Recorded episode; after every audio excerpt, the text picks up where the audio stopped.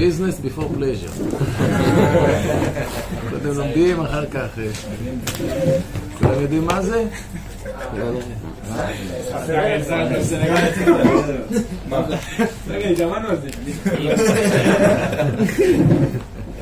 מה, מה רוצים ממך? אנגלית, זה לא הצד החזק. סתם מצטנע.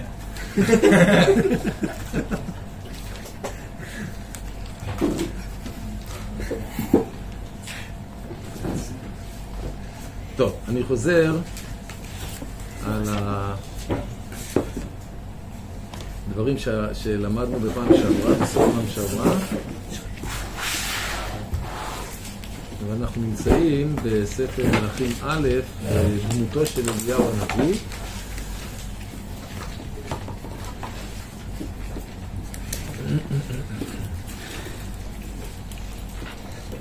בפרק י"ט. השאלה שאנחנו העלינו בפעם שעברה וענינו עליה גם כן הייתה שאלה כפולה. מצד אחד, אנחנו רואים שלאורך כל הדרך, הקדוש ברוך הוא לא מסכים עם הדרך של אליהו הנביא ומנסה לרמוז לו ברמזים אה, דקים, ואליהו לא נרמז וממשיך בדרכו. זה הצד האחד, וראינו את זה בצורה שיטתית לאורך כל דרכו של אליהו הנביא. זה מעלה לנו שאלה כבדה על הקדוש ברוך הוא. לכאורה, הקדוש ברוך הוא בעצמו אמר, וזה מה שאחאב טען כלפי אליהו הנביא, אני עובד עבודה זרה. והנה הקדוש ברוך הוא לא מקיים את מה שהוא אמר, והיה שמות איש מצוותיי, אשר לסב את החיים לאהבה, אשר עובדי בכל דרכם. ישמרו לך בנפתי לבבכם, וסרתם ועבדתם אלוהים אחרים, השתחוויתם להם, וחרף השם בכם, ועצר את השמיים, ולא יהיה מטר. והנה הוא לא עצר, אני עובד כל עבודה זרה שבעולם, והוא לא עצר. אז יש לנו קוש... הייתה לנו גם קושייה לקדוש ברוך הוא, למה? למה הוא כן הולך עם אחאב, לא הולך עם אליהו, ועוצר אותם, לא עוצר את המטר.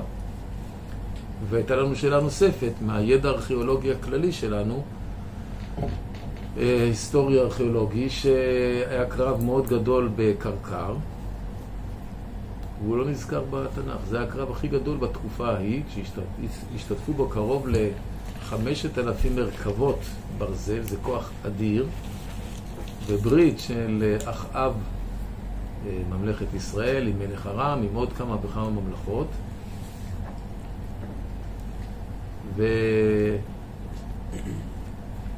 והמלחמה הזאת הייתה כנגד אשור. וזה לא נזכר. לא בספר מלכים, לא בספר דברי הימים. קרב כל כך גדול, והוא פשוט נעלם. את שני הדברים תרצנו במהלך אחד. הסברנו מהלך אחד, שניסינו להעמיד תסריט חלופי למה שהיה קורה אם אליהו הנביא לא היה עוצר את הגשמים. אמרנו, עצירת הגשמים של אליהו הנביא זה בעצם מאבק ישיר כנגד אחאב. מאבק שהוריד את אחאב על הברכיים. מאבק שרושש את אחאב, מאבק שבעצם גרם לכל החיילים וכל המשרתים וכל הלוחמים של אחאב לעזוב אותו, ולכן לא היה שום ברירה לאחאב אלא לשמוע בקולו של אליהו. מה החלופה שהייתה יכולה להיות?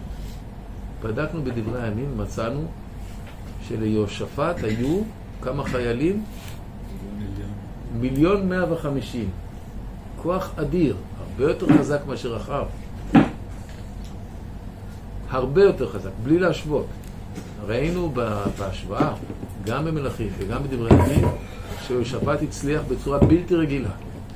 כל האזור שלו היה שייך על הממלכה הדרומית, מהקו של בית אל ודרומה, כל הממלכות נכנעו לפניו. פלישתים, ועמון, ומואב, ואדום, כולם נכנעו לפניו.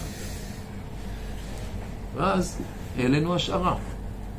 כזכור, יהושפט נשוי לאחותו של אחאב, ביתו של עמרי, אביו של אחאב.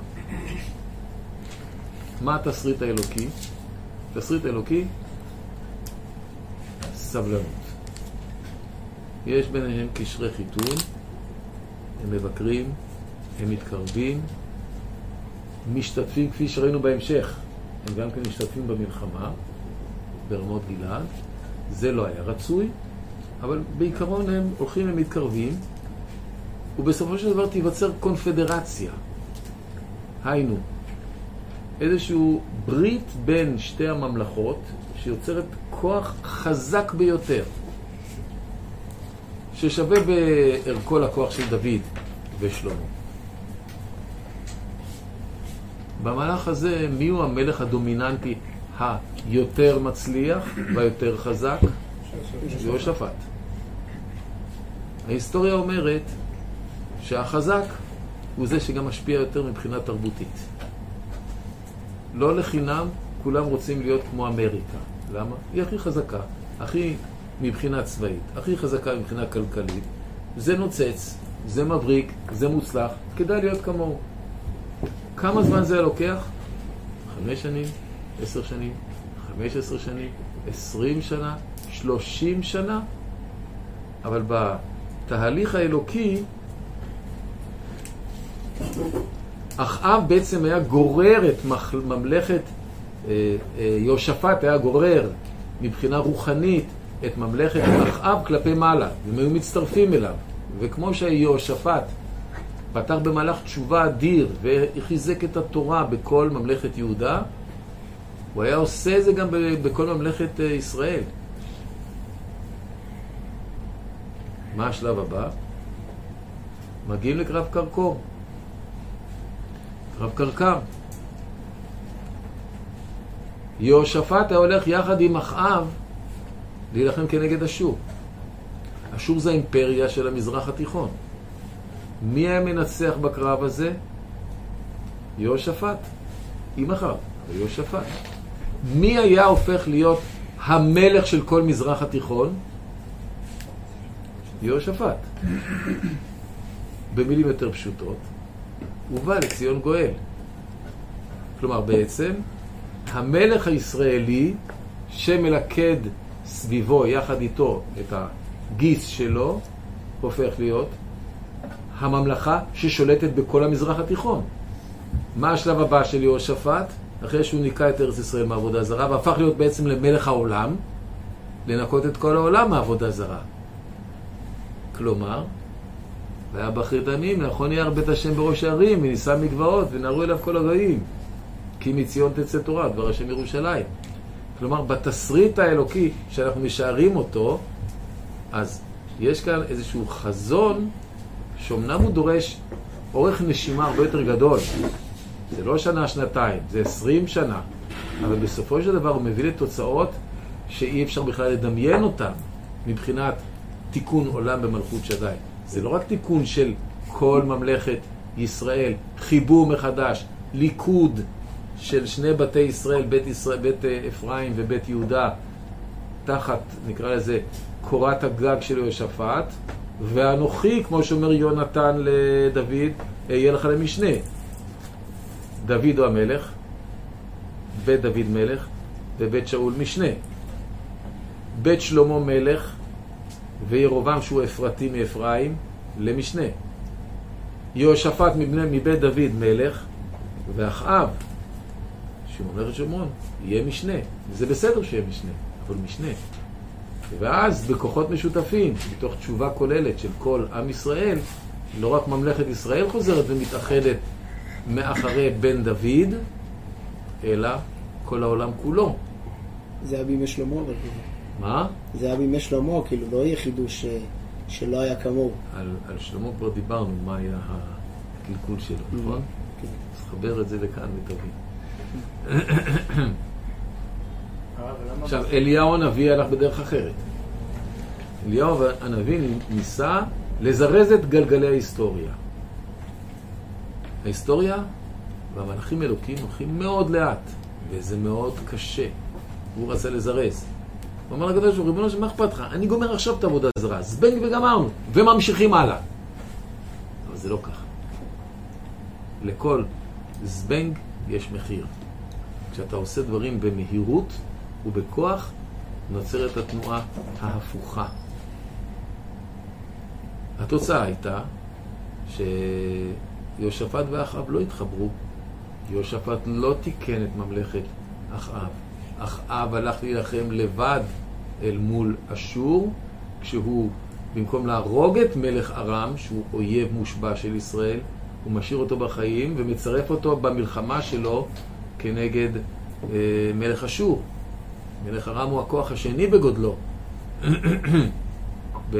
באותה ברית של אה, מלכי המזרח הקרוב מול מלכי המזרח, ה- מלכי, נקרא לזה, אזור ארץ ישראל לעומת מלכי מסופוטמיה.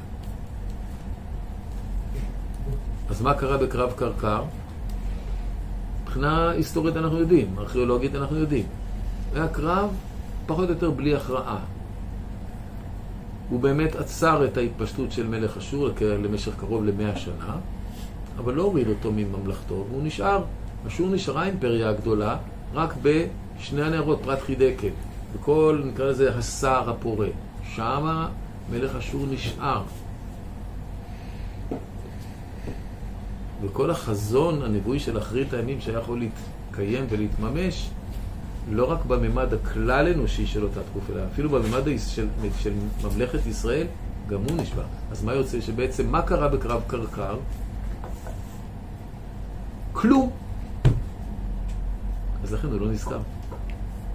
הוא היה, לו היה, לו היה, לו ההיסטוריה הייתה הולכת בתסריט האלוקי, לא בתסריט של אליהו הנביא, קרב קרקר היה נקודת המפנה, ולכן אין, אין לי שום ספק שבתסריט הזה הוא היה נזכר גם בספר מלכים, גם בספר דברי הימים. אבל לא. אז לכן הוא לא נזכר, כי מבח... למרות שמבחינת, ה... נקרא לזה, הגודל והעוצמה של הכוחות הנלחמים, זה היה מלחמת עולם.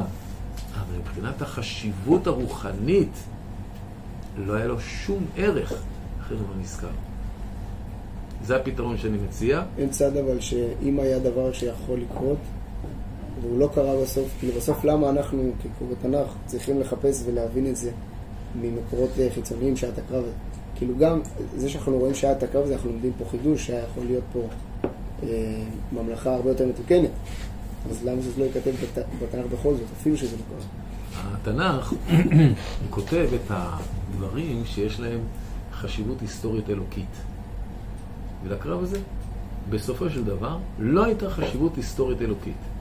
המבט הנבואי הוא סוקר את ההיסטוריה, אבל על פי המפתח הנבואי, לא על פי המפתח העיתונאי או מה שנראה לך חשוב. מפתח עיתונאי, קרב כל כך גדול, מלחמת עולם, ברור שזה היה, היה נרשם בספר 100 שנות היסטוריה או 400 שנות היסטוריה של מלכת ישראל. אבל במבט האלוקי זה היה אירוע שהוא לא היה לו שום משמעות. אז לכן הוא לא נרשם בתנ"ך, כי התנ"ך הוא לא ספר היסטוריה, אבל הוא כן ספר היסטוריה. מה פירוש? הוא לא ספר היסטוריה שמתאר את האירועים, אלא הוא בוחר סלקטיבית את האירועים שיש להם חשיבות אלוהית. חשיבות בתור אבני דרך בהתרחשות החזון האלוקי של כינון ממלכת ישראל ומלכי ישראל. ו... אז, אז הבחירה, מה נכנס לתוך התנ"ך ומה לא, היא בחירה של רוח הקודש. של הדברים שבאמת היה להם משמעות, משמעות מאוד כבדה מבחינת, מהבחינה הערכית שלהם. בקרב קרקור, לא. מכאן אנחנו ממשיכים הלאה. מה השלב הבא של אליהו הנביא? אני מדלג על המפגש שבין אליהו הנביא לאחאב בכרם נבות, שבו הוא מודיע לו על סופו. וחוזר לפרק י"ט, שכבר עסקנו בו.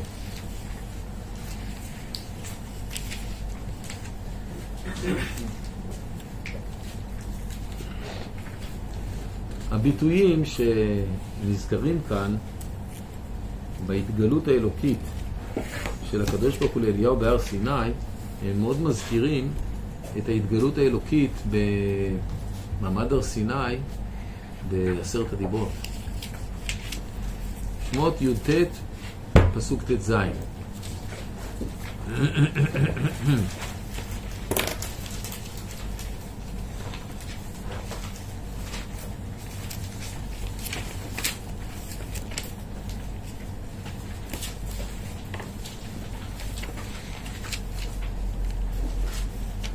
ויהי ביום השלישי בהיות הבוקר, ויהי קולות וברקים וענן כבד על ההר וקול שופר חזק מאוד. ויחרד קולם אשר במחנה. פסוק י"ח והר סיני עשן כולו מפני אשר ירד עליו אדוני באש, ויעל עשנו כאשן הכבשן, ויחרד כל ההר מאוד. רעידת אדמה. יחרד כל ההר.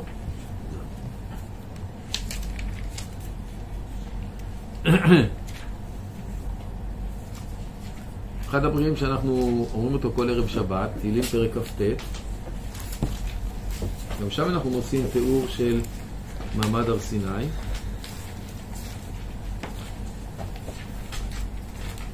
מי שמצא כבר מזהה.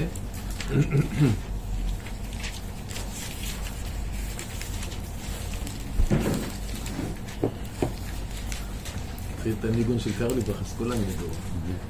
מזמור לדוד. הבו להשם בני אלים, הבו להשם כבוד ועוז.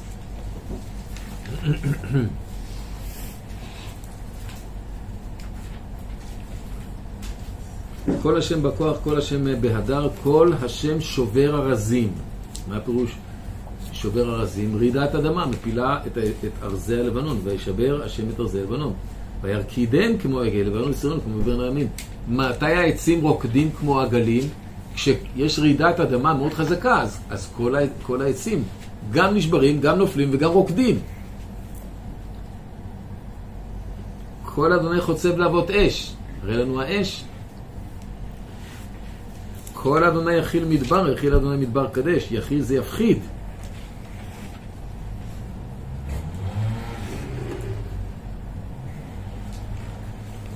אני חוזר לשמות ל"ג. בשמות ל"ג משה רבנו נמצא בהר סיני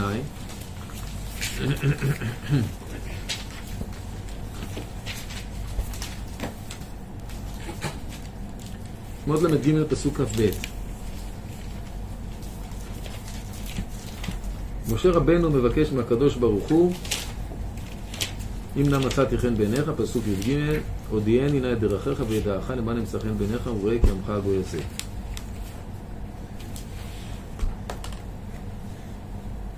פסוק י"ז, השם אומר לו, מה שביקשת אני אעשה, ויאמר הראני נא את כבודיך. ויאמר אני אעביר כל טובי על פניך וקראתי בשם אדוני לפניך וחנותי את אשר אחון ולחמתי את אשר אחי. אומר לא תוכל לראות את פניי כי לא יראני אדם וחי. עכשיו שימו לב. ויאמר אדוני, הנה מקום איתי וניצבת על הצור, והיה בעבור כבודי ושמתיך בנקרת הצור, וסקותי כפי עליך עד עוברי, והסרתי את כפי ואת כפי, וראית את אחורי הפני לא יראו. כלומר, משה בהר סיני נמצא בתוך מערה, נכון? נקרת הצור זה מערה בתוך הסלע.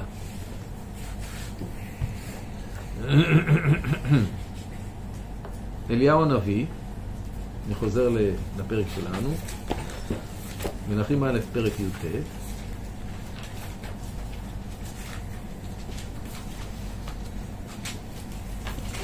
פסוק ט'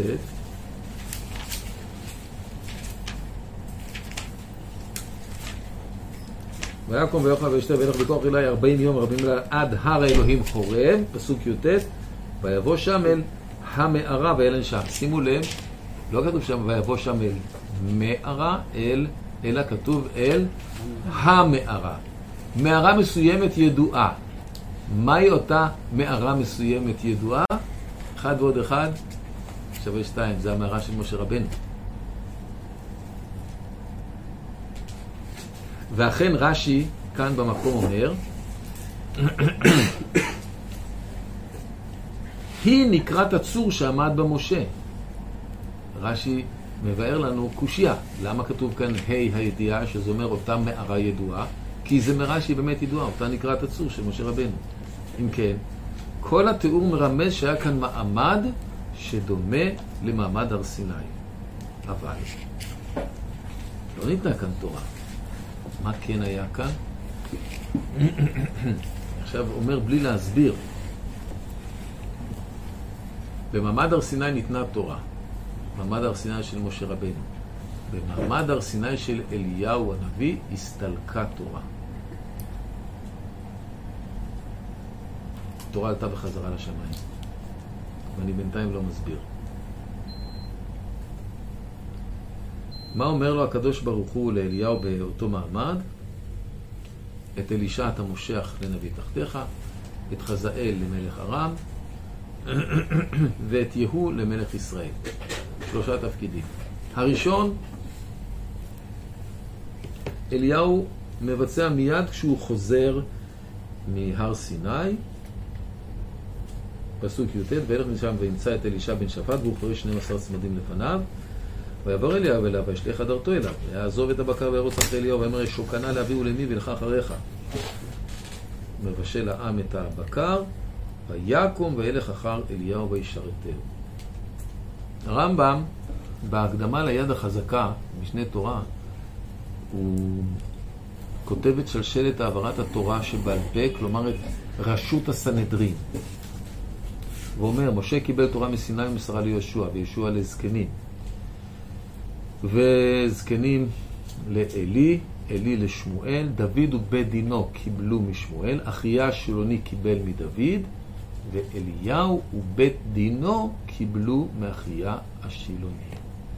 כלומר, אליהו היה לא רק נביא, אלא גם ראש סנהדרין. מי היה אחרי אליהו ראש הסנהדרין? אומר הרמב"ם, אלישע. כלומר, אלישע לא היה רק הנביא הממשיך את אליהו, אלא אלישע גם היה הממשיך את כל שלשלת תורה שבעל פה. בעצם, מה שמתרחש כאן, בפסוקים האלה של הפרק, החלפה של הנהגת התורה. החלפה של הנהגת הנבואה. ההחלפה של אליהו זה לא רק אליהו הנביא שמוחלף בנביא אחר. זה החלפה של כל ההנהגה הרוחנית שכוללת את שני הממדים של כלל, כלל תורה שבעל פה עם הנבואה של נביא הדור. זה מה שמתרחש כאן. ולכן אמרתי, ואני לא מסביר עדיין למה, עלתה תורה לשמיים. עם הסתלקות אליהו. מה כן נשאר כאילו? זה מה שאנחנו ננסה לברר. אנחנו ממשיכים למלכים ב', פרק ב'. אנחנו שוב פוגשים כאן את אליהו ואלישע.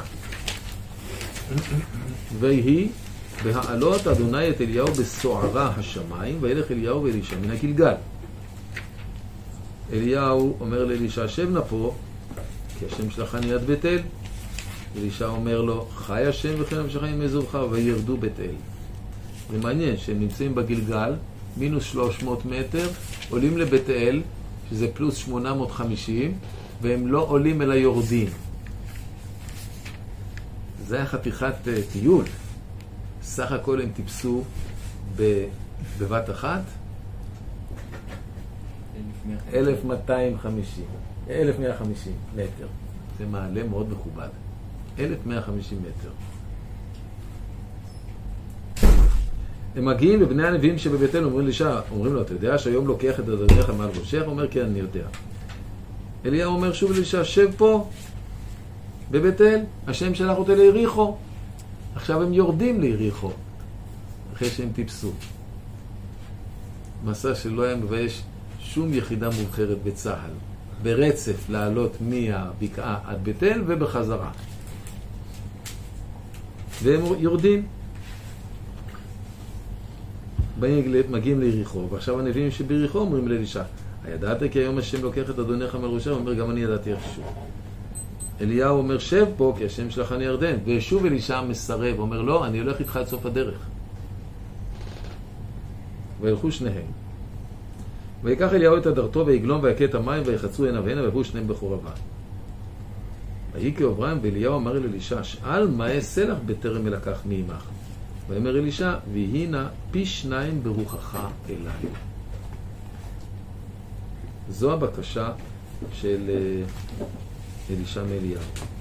ויאמר רגשית לשאול, אם תראה אותי לוקח מאיתך, יהיה לך כן, ואם אין לא יהיה. ויהיה מה הולכים הלוך ודבר.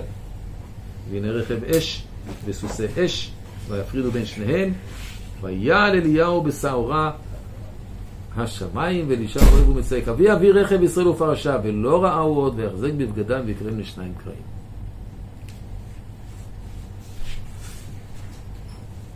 מה הם עשו?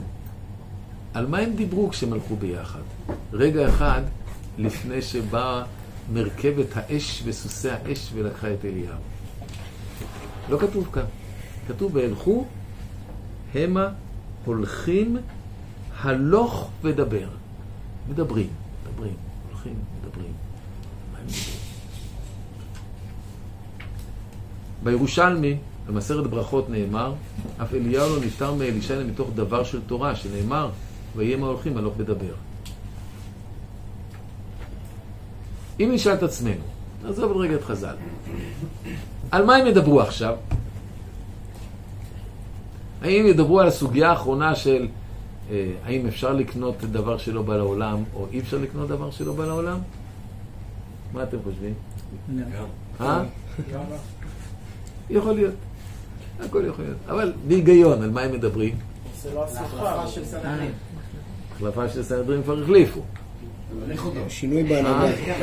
זה לא ברכה, עכשיו הם מדברים בדברי תורה. הדריך אותו במה? הנהגת עם ישראל. הנהגת עם ישראל. אבל אליהו נכשל. לא הבין פתאום. עדיין יש לו הסקות מזה. הסקת מסקנות. מסתבר, אני אומר שוב, אני אומר מסברה, שעל מה הם מדברים? איך להמשיך ולהנהיג את עם ישראל, איך להמשיך ולקדם את עם ישראל מבחינה רוחנית, ואיך להמשיך במפעל שאליהו הצליח ונכשל, מסיקים מסקנות, ומה עכשיו עושים? זה הכי הגיוני. כיצד אפשר להושיע את ישראל? כיצד אפשר להתמודד עם קלקולי עבודה זרה שפשטו בישראל? כיצד אפשר להביא את ישראל לגאולה השלמה? ההיגיון אומר שזה הנושא שלהם. אומר הירושלמי, מביא מחלוקת, רבי יודן, בריה דרבי אייבו, אמר, בנחמות ירושלים היו עוסקים, כמו שנאמר, דברו על לב ירושלים. אז מה זה נחמות ירושלים?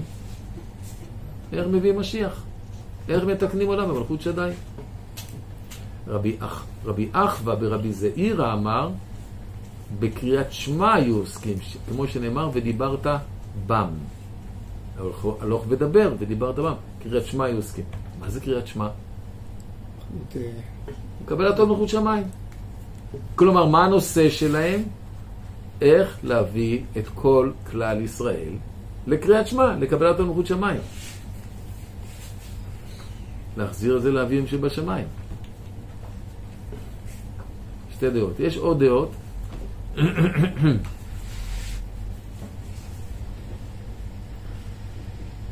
רבי יהודה בן פזי אמר בבריאת עולם היו עוסקים, כמו שנאמר בדבר השם שמיים נעשו. ורבנן אמרים במרכבה היו עוסקים, כמו שנאמר מני רכב אש וסוסי אש. מעשה בראשית, מעשה מרכבה, כלומר, בעצם לפי זה, רגע לפני פרידתו, אליהו מעביר לאלישע את כל סודות המרכבה. ככה משמע לפי הדעה הזאת. כן. מהפסוקים זה נשמע שאליהו מועד עושה כאילו אה, מועד עם מידת הדין ולא רק נפגש עם העם. ואיך הוא היה ראש הנביאים? מה, מה השאלה? שאם אם הוא רק די התבודד באיזשהו מקום. כי הוא נדד ולא לא היה אותם העם. שנתיים הוא באמת התבודד כי הוא ברח מאחאב. אבל לפני כן, וגם אחרי כן. עכשיו אנחנו רוצים לבדוק, כדי לאמת את ההשערה שלנו, אנחנו רוצים לבדוק מה דרכו של אלישע. בואו בואו נתחיל לעקוב אחרי אלישע. הדבר הראשון שאלישע עושה,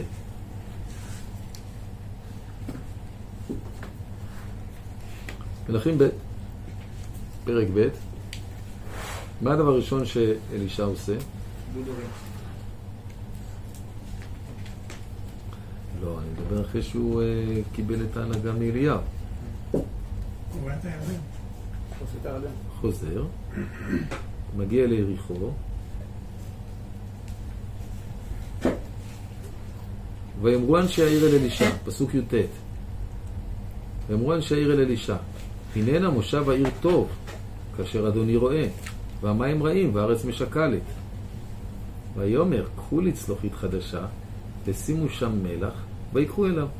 ויצא אל מוצא המים, מוצא המעיין, וישלך שם מלח, ויאמר כה אמר אדוני, ריפיתי למים האלה, לא יהיה משם עוד מוות ומשקלת. וירפו המים עד היום הזה, כדבר אלישע אשר דיבר. עד היום הזה הלכתי וטעמתי מהמעיין, זה נקרא מעיין אלישע, הוא נמצא בפאתי יריחו. המים מתוקים וצלולים, קשה למצוא כאלה מעיינות טעימים. עד היום הזה. אתם שמים לב מה קורה כאן?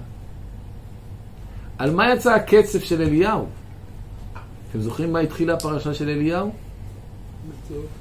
איפה מתחיל הנתק שבין אליהו לאחאב? המאבק ביריחו. כלומר, בבית חיאל האלי, חיאל בית האלי, שיושב שבעה על כל הבנים שלו נפטרו, והם נפטרו כי בבכורו ייסדנה ובצעירו יציב דלתיה. יהושע קילל את מי שהקים את יריחו, וחיאל בית אלי הקים את יריחו, והתקיימה בו קללתו של יהושע. ועל זה היה מאבק בין אחאב לבין בין אליהו. אחאב אמר זה סתם, עובדה. הקללה על עצירת גשמים לא התקיימה למי שעובד עבודה זרה. אז קללה של יהושע אה, כן תתקיים, כן תתקיים, אז זה סתם. רק באותו דור, כמה שנים קודם, הקימו את יריחו, והתיישבו בה אנשים. על זה יצא אליהו לריב. ומה עושה הממשיך של אליהו? עוזר ליישוב יריחו. מפתיע, נכון? מה היה צריך להגיד? מה, זה מקום מקולל. ישוע קילל את מישהו. לא, לא. לשבת, נעזור לכם. באמת, בתורה שבפה, סוף מסרת סנהדרין, בדף האחרון, הגמרא לומדת שם ש... אה, הראשונים שם לומדים שהקללה היא רק שלא להקים, אבל ברגע שזה הוקם, מי שנענש נענש, אבל אחר כך אפשר לשבת שם. ויש לזה הוכחות רבות, גם מחז"ל וגם מהתנ"ך עצמו. אבל העובדה היא שאלישע כאן הוא פועל במגמה הפוכה מאליהו, מצד אחד. מצד שני, ויעל משם בית אל, והוא עולה בדרך, כלומר הוא עולה מיריחו לבית אל, קו ישר. יש כאן מישהו שנמצא, שגר בבית אל, עופרה, מה? טוב, אז מי שנוסע על ציר 60, לפני, לפני עופרה יש uh, בצד ימין, בפנייה, בצומת עתיק, כשפונים לכיוון בית אל, לפני בית אל, בסיבוב שמה, מסתכלים למעלה, רואים את ביתים. היא בית אל העתיקה. לפני שפונים בצומת ה-T לשמאלה, מכביש 60 שהולך מדרום לצפון, יש כפר ערבי מאוד גדול בצד uh, ימין. אתם זוכרים איך קוראים לו? ג'ילזר? לא, ג'ילזר נמצא במערב. אה? לא, זה ליד עופרה. עוד לא הגענו לעופרה. השם של הכפר הזה נקרא דיר דיבואן. זה השם של הכפר. שוטטתי בו הרבה.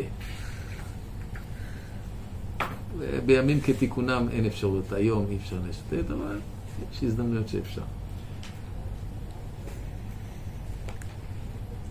ויען משם בית אל, והוא עולה בדרך, ונערים קטנים יצאו מן העיר והתכנסו בו, ואמרו לו, עלה קרח, עלה קרח.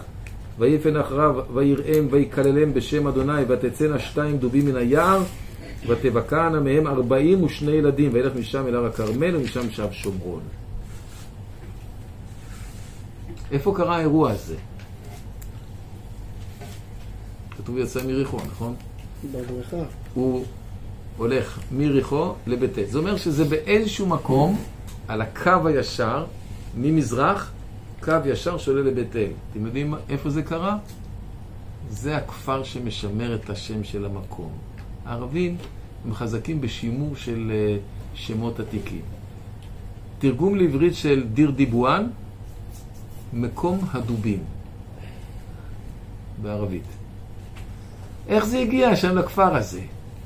פשוט לפני אלף וכמה שנים, אלף ארבע מאות שנה, כשהם הגיעו לארץ, הם שימרו את מה שמצאו, זה היה מקום הדובים, בנו שם כפר, וקראו לו דיר דיבואן, כי זה היה המקום.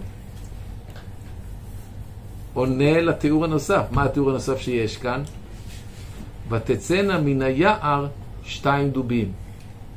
מכירים את הביטוי לא דובים ולא יער, נכון? אתה מסתכל היום על ההרים ההם קרחים, ובמקומות שאין עצים, אין חיות יער, אין חיות טרף. חיות טרף הם אופייניים ליערות.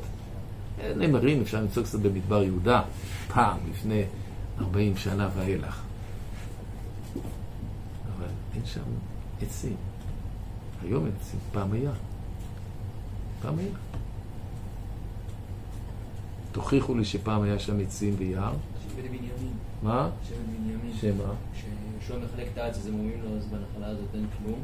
ואז הוא אומר להם, תשרפו את העצים. קודם כל אתה צודק, אבל אחר כך דייק בפרטים, תמצא את הפרק ואת הפסוק. בוא נשמע.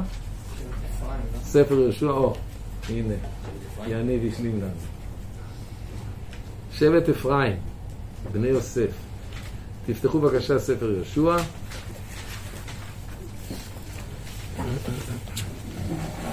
פרק י"ז, פסוק י"ד.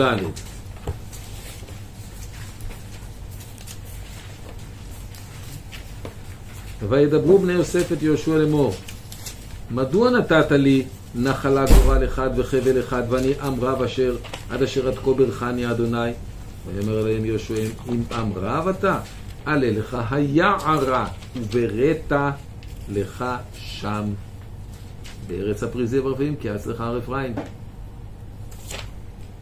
לא. למה לא?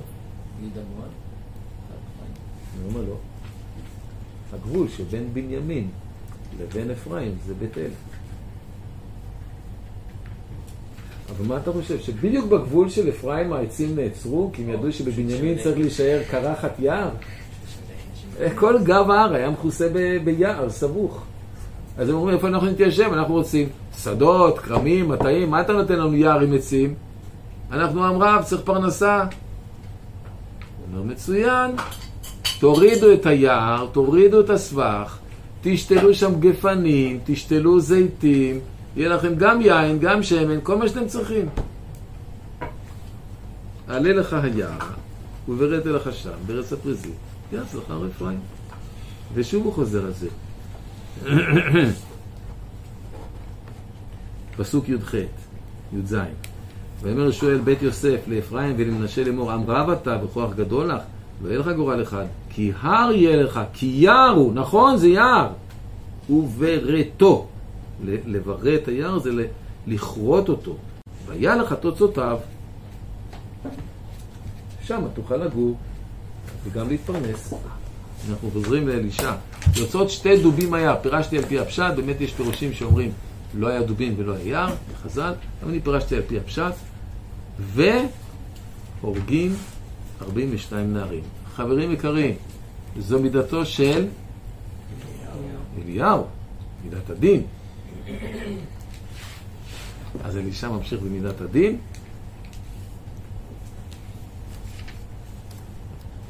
לאן הוא ממשיך משם? הר הכרמל. מה קרה בהר הכרמל? אליהו?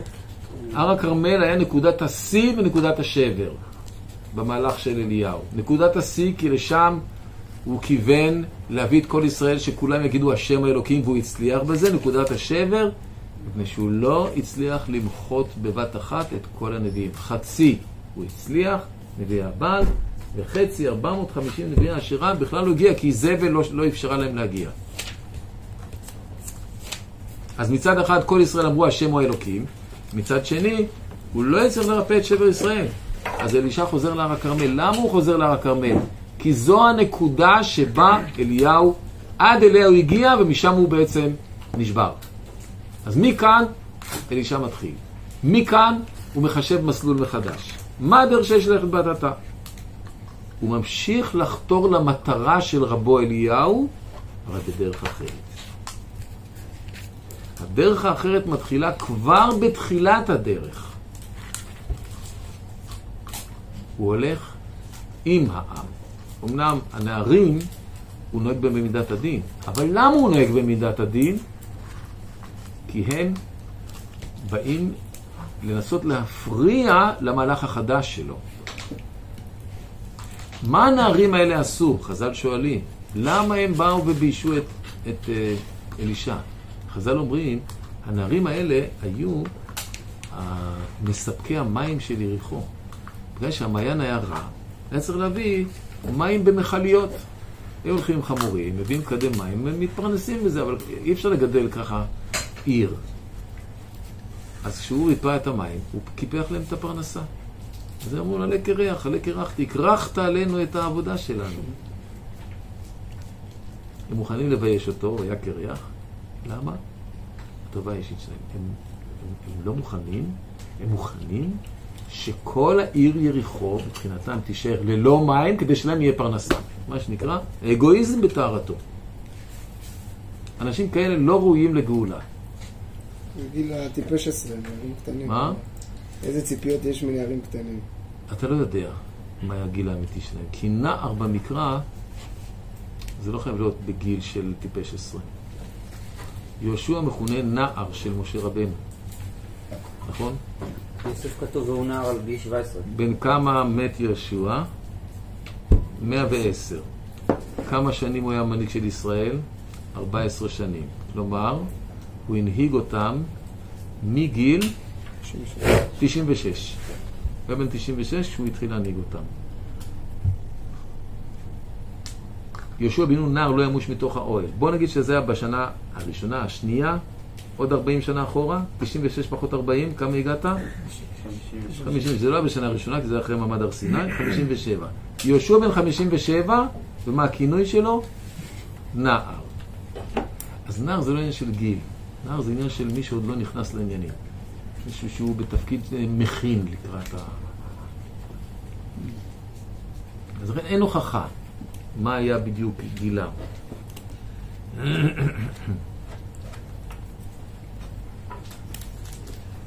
אנחנו רואים כאן שינוי, אני חושב, מאוד משמעותי בכיוון של הפעילות של אלישע. אנחנו לא שומעים בכל הפעילות של אליהו קשר ומגע עם העם, ואתה צודק.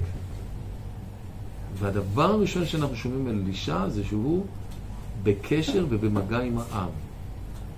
אלישע פועל במידת הדין, ו... סליחה, אליהו פועל במידת הדין, ואלישע מתחיל במידה של חסד, מרפא את המים. זה משקף את המהלך הכללי של אלישע.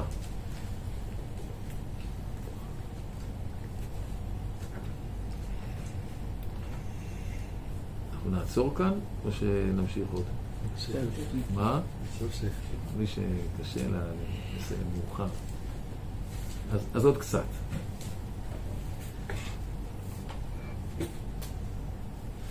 חזרנו למלכים ב', ואנחנו עוקבים אחרי, אחרי אלישע. הסיפור הבא על אלישע הוא המלחמה נגד מישה מלך מואב. יהורם, יורשו של אחאב, יחד עם יהושפט מלך יהודה, יהורם משכנע את יהושפט לעלות איתו, והם עולים, עושים סיבוב דרך מדבר אדום. ונגמר להם המים. אני נמצא במלכים ב' פרק ג' ויאמר מלך, פסוק י', ויאמר מלך ישראל, אהה כי קרא השם לשלושת המלכים האלה לתת אותם ביד מואב. ואומר יהושפט, האין פה נביא להשם, אם נדרשה את השם מאותו, ואין אחד מעבדי מלך ישראל. ויאמר פה אלישע בן שפט, אשר יצק מים על ידי אליהו. ויאמר יהושפט, יש אותו דבר השם. וילכו אליו מלך ישראל ויהושפט מלך דום. ויאמר אלישע מלך ישראל, מה לי ולך אל נביא אביך? עכשיו פתאום אתה בא אליי, לך אל נביא העבודה זרה שלך.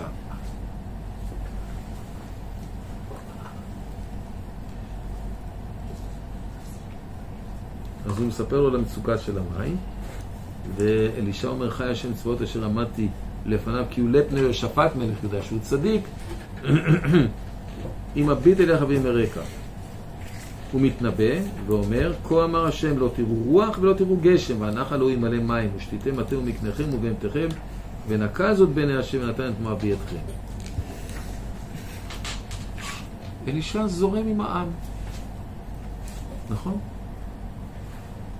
בלי מעמד, בלי שום אה, הרגשת חשיבות, הולך יחד עם כולם.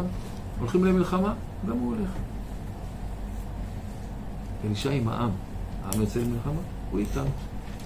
פתאום צריך אותו. הוא מאוד כועס על יהורם, אנחנו רואים. ולמרות זאת, לא דורש שום דרישה. נכון? הוא לא אומר חזור בך, כמו אליהו. מתנבא, אתה רוצה מים? קח מים, בבקשה. ובאים מים בכמות אדירה, והם שותים ומנצחים את מואב. רואים עוד פעם את הקו שלו? הוא זורם עם העם, עם כולם. עושה חסד בלי חשבונות. הפוך מלילה. הרב, כן. זה לא פיצוי קצת יותר מדי? היה כמו כאילו הסקת מסקנות אבל שיצא מפרופורציה. בואו, בואו נשאיר את השאלה הזאת בתור שאלה, נכון? כי, כי לכאורה אתה נוטש את המרחב, אומר, טוב, תעשו מה שאתם רוצים, ואני רק עוזר לכם, ויהיה לכם הכל בסדר. בואו נשאיר את השאלה, אנחנו ננסה לבחון אותה בפעם הבאה.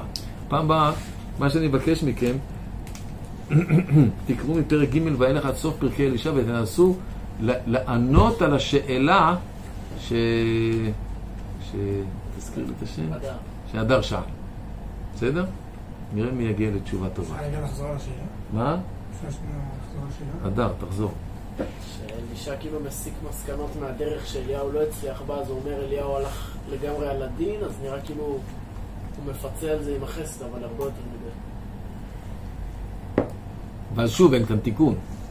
כי עובדי עבודה זרה יכולים לעשות מה שהם רוצים, והנביא, פתרון הקסמים לכל הבעיות.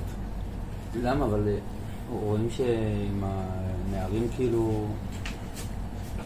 שוב, הסברתי. אולי הם בסדר. נראים? כי הם הפריעו לו לעשות חסד ולתקן את אה, יריחו. הם רצו בעצם להשאיר את יריחו במידת הדין. שאין לה מים. טוב, עד כאן להיום.